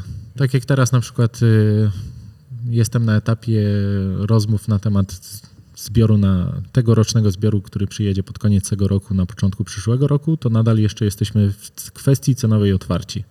E, czyli ustaliliśmy, że czekamy na to, jak się potoczą wydarzenia. Mieliśmy mrozy, e, duże podwyżki cen, duże podwyżki na giełdzie. E, na szczęście w tym regionie, z którego my bierzemy kawę, jeżeli chodzi o Brazylię, tych mrozów aż tak bardzo nie było, więc, więc ta kawa się zachowała. E, Ale też e, tutaj mamy otwartą współpracę, czyli czekamy, co pokaże czas. Do momentu, kiedy będzie kontraktacja i wtedy kontraktujemy kawę e, na odpowiednich warunkach, e, gdzie dostają więcej niż C-Price przysłowiowy. Tylko mamy C-Price plus premię dla nich. No i to idzie bezpośrednio dla, dla producentów. Jeżeli chodzi o, o Panamę, czy właśnie Finkę de Bore, Savage Coffees, to tutaj to jest chyba najbardziej bezpośrednia relacja, jaką mamy, gdzie to właśnie producent y, sam przygotowuje y, ziarno, pakuje w wakum, w kartony i wysyła to drogą lotniczą do, do Polski, więc tutaj nie ma na, żadnego middlemana e, między nami. E, Wszystko jest bezpośrednio. No i docelowo chciałbym, e, żeby, żeby te 100% kaw, które mamy, e, były, było od producentów, których znamy, z którymi zawiązaliśmy relacje, którzy się powtarzają, tak jak mamy, nie wiem, Katię Dukę z Hondurasu. E, I to jest jedna producentka, którą mieliśmy okazję poznać 3 lata temu w Gwatemali na, na, na Producer Forum. E, Super kawy, jeszcze nie odkryte. My byliśmy pierwszą palarią, która ściągnęła jej kawy do Europy. E, I mm, trzymamy tą relację. I tutaj posiłkujemy się na przykład Alaj, który robi nam tylko i wyłącznie logistykę. LA to importer. Importer, dokładnie, gdzie Alej robi nam logistykę, ale cały deal kawa jest ustalana bezpośrednio z Katią. A co to znaczy dla waszych odbiorców, dla tych, którzy waszą kawę kupują? Czy kawy, czy to będą kawy, które będzie można kupić tylko w waszej palarni, w Hard Beans? Czy... No na ten moment nie sprzedajemy zielonki, więc y, zielonej kawy, więc, więc na, na ten moment spora część tych kaw jest tylko u nas, ale Może się oczywiście zdarzyć, rozumiem, że z tej plantacji Tak. jakiś importer kupi i przez oczywiście, tak, no my nie bierzemy palarnię? 100% zbiorów. My bierzemy tylko jakąś część, którą jesteśmy w stanie fizycznie e, przerobić i sprzedać. Oczywiście te kawy akurat z Kati, od Kati tylko się pojawiły u nas e, w Europie. Z tego co mi wiadomo, ona wszystko wysyła do Stanów. Cały, ten, cały jej zbiór, cały krop leci do Stanów. E, Tak więc powoli, powoli. Oczywiście teraz pandemia to zatrzymała, bo podróżowanie było wstrzymane na dwa lata. Moje podejście do Brazylii już się o trzeci rok przesuwa, e, gdzie już wszystko tam na miejscu jest e, przygotowane na nasz przyjazd, na właśnie spotkanie z producentami. E, No ale niestety No tak. No, żyjemy umów, w czasach, w których nie, podróżowanie do, do krajów producenckich jest bardzo trudne. no ale umówmy się, że można sprowadzać bezpośrednio, zamawiając po prostu próbki i Oczywiście. wymieniając się mailami, prawda? Oczy- tak, WhatsApp. że, to nie jest Tak. tak, że trzeba pojechać Nie, nie, nie. na plantację. Czasem nawet taka turystyka kawowa nie przynosi wiele, bo jak się nie ma tam kontaktów, nie ma Bez się... kontaktów to nie ma szans. To dużo osób myśli, że a, polecę sobie, nie No wiem, do Kolumbii, do Gwatemali czy cokolwiek i, i, i, i, i kupię sobie kawę. zdjęciach. Nie, nie, nie. Tu trzeba, bez, bez osoby na miejscu nie da się tego zrobić. Tutaj miałem tą przyjemność, że Jola Czermińska, która też jest 88 Grains, e, jest e, życiową partnerką. Akurat jest w Polsce. Musimy się spotkać. Będziemy nagrywać podcast. Tak. O, Będziemy no z nią rozmawiać. Właśnie mam się z nią chyba w przyszłym tygodniu spotkać. E, No to Jola, Jola jest życiową partnerką Raula Pereza z Finca La Soledad, E, więc będąc na, na forum rosterów e, i producentów e, w Gwatemali postanowiliśmy zostać dłużej i po prostu ich odwiedzić i dzięki temu nawiązać współpracę. Też wytworzył się w owocach tego projekt Co-Changers, czyli e, wsparcie tam lokalnego e, w kraju producenckim. No i w, przed pandemią samą jeszcze też byłem na tydzień ponad w, w Gwatemali, właśnie u Joli i Raula, e, gdzie właśnie z nimi e, byłem w stanie odwiedzić tych producentów, bo tak sam z siebie gringo tam na miejscu nic nie zrobi, nic nie zdziała, szczególnie w kraju, który jest dość niebezpiecznym krajem. Jeśli, no tutaj, jeśli chodzi o Gwatemalę, pewnie popytamy też e, Jolę o parę, parę takich ważnych e, aspektów takiej współpracy, ale na przykład biorąc pod uwagę tą Brazylię, czy ty jesteś w stanie określić, jaki procent, wiesz, więcej tej całej kwoty, którą na przykład płaci palarnia, e, trafia do, do producenta, czyli do tego farmera, i kiedy, kiedy eliminujesz, to nazwać jakoś tam middlemana, tak? Czyli, pośrednika? Myślę, że około 15-20% na pewno. Więcej, tak? Więcej dostają. No. Mhm. bo to nie są jakieś duże pieniądze, które gdzieś tam bierze pośrednik, bo tam każdy bierze, nie wiem, tu jeden weźmie 15 centów, drugi weźmie 25 centów Na kilogramie mówimy. na kilogramie i gdzieś tam robi się z tego suma, e, ale też nie mamy tak jakby pełnej przejrzystości przepływu e, tej, tej gotówki. A jeżeli kontrakt jest bezpośrednio z producentem, no to on narzuca nam fakturę, tak więc no płacimy jemu. Więc mamy pewność, że ten przelew idzie e, bezpośrednio do producenta. Tutaj jest to cały czas taki, taki sporny ten temat y, tego, tego direct trade i ogólnie y, transparentności w kawie. Dla mnie to jest bardzo trudne słowo, bo ostatnio dwa lata, te, dwa lata temu, tak mi się wydaje, dwa, trzy lata temu bardzo często pojawiał się FOB, że my kupujemy tylko FOB, FOB, e, czyli free on board, y, czyli w momencie, kiedy kawa jest już e, na statku, czy tam wchodzi na statek i będzie transportowana do, do Europy, powiedzmy, czy do kraju odbiorcy. E, Ale co to oznacza? Czy cena FOB, bo dużo osób mówi, a nasza cena FOB to jest powiedzmy 5 dolarów, ale czy te 5 dolarów trafia w 100% do farmera? Tego nie wiemy, bo mamy różnych, różne typy, ró- różne typy producentów. Tak? Że może być producent, który tylko i wyłącznie zbiera wiśnie, obrabia i swój parchment sprzedaje dalej. No tak, Albo tylko zbiera jakiś- wiśnie i sprzedaje do stacji obróbki. Może mieć e, zbiór, stację obróbki, ale nie mieć suchego młyna.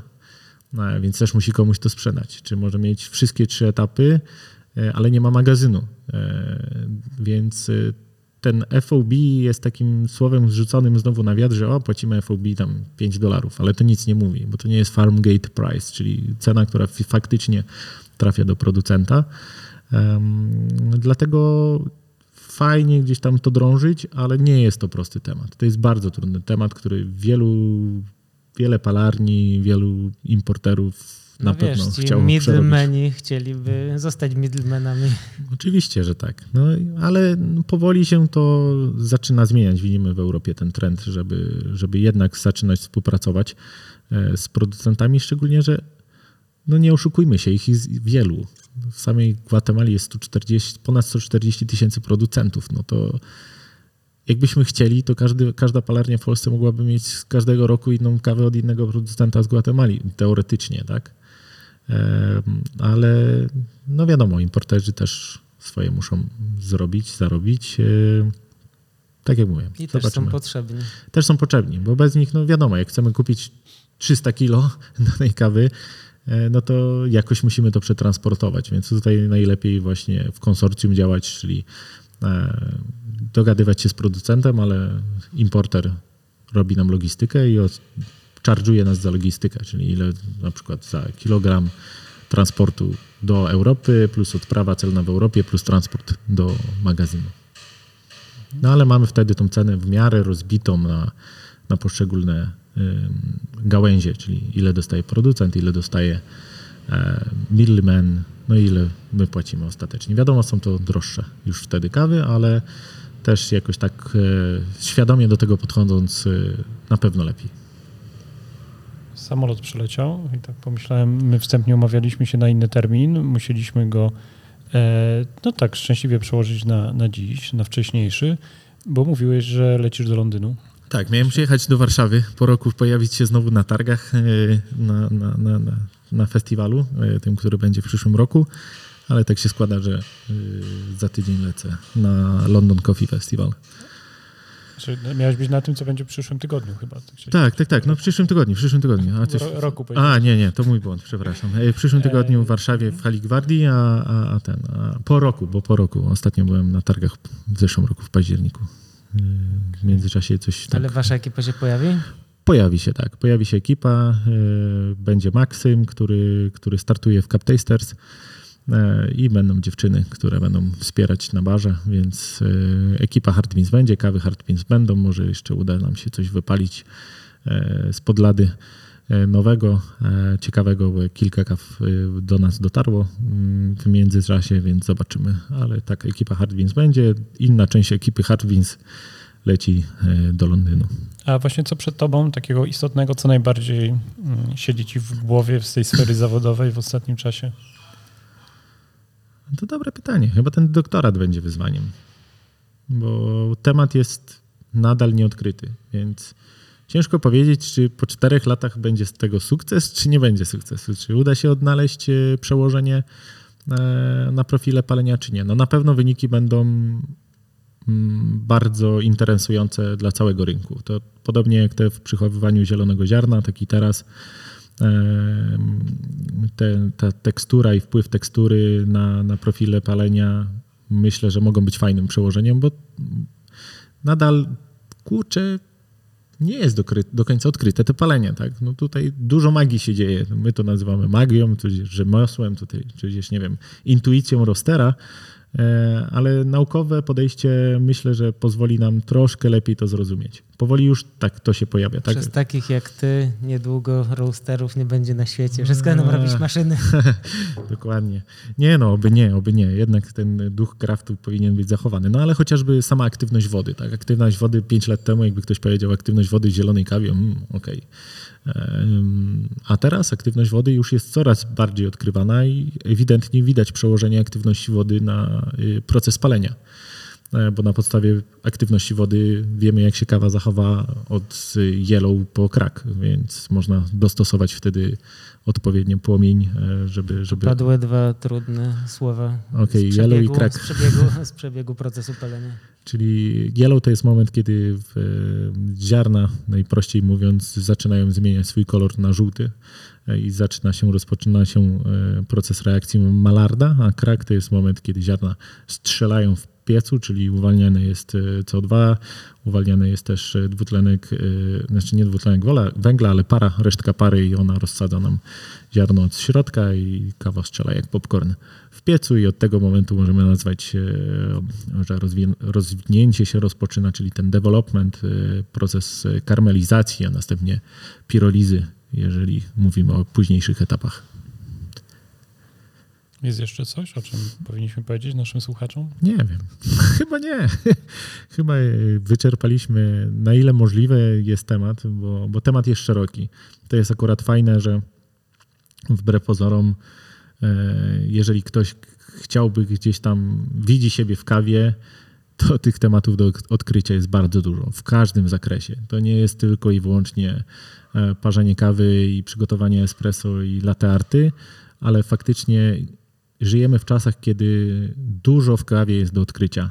I dużo z kawy jeszcze możemy wyciągnąć zarówno pod względem naukowym, jak i pod względem takim innowacyjnym, czyli nowych rozwiązań. To też jest coś, co z tyłu głowy naszej siedzi, czyli e, już taki sneak peek na przyszłość, e, zbudowanie pieca, e, który będzie mądrzejszy od bębnowych technologii stuletnich, ale to jest dalej coś na przyszłość. No cóż, trzymamy e, kciuki. No my jeszcze takich tematów właśnie nie, nie mieliśmy w podcaście, także bardzo Ci dziękujemy, że byłeś. Dziękuję również. Ja powiem, że jestem takim pod ogromnym wrażeniem tego, że to wszystko wiesz, że jest możliwe, żeby się zajmować takimi wiesz, stronami kawy, nie? No przecież zebrali się ludzie, jak ty to mówisz w małej wsi opolskiej, jak ty to mówisz. Tak, na prowincji zawsze tak mówiłem, że z prowincji przyjechaliśmy do miasta, do stolicy. Kiedyś to nas chodzi, skąd wy jesteście, gdzie to pole? Jak do filtru się przyjeżdżało, to takie słoma z butów wystawała, przyjechali z Opola i się wymądrzeli. A teraz no Krzysztof Barabosz, head roaster, head of coffee, senior field specialist. Fajnie, że do nas przyjechałeś. Dziękujemy Ci bardzo. Dziękuję również za spędzony czas. Przegadaliśmy z Krzysztofem półtorej godziny. Myślę, że moglibyśmy przegadać drugie półtorej jego opowieści. Z... Je jeszcze trochę rozmawialiśmy mm. tutaj pod budynkiem. E, wiem, mówił, że wybiera się do kawiarni Forum e, i po 16 miał pociąg do domu.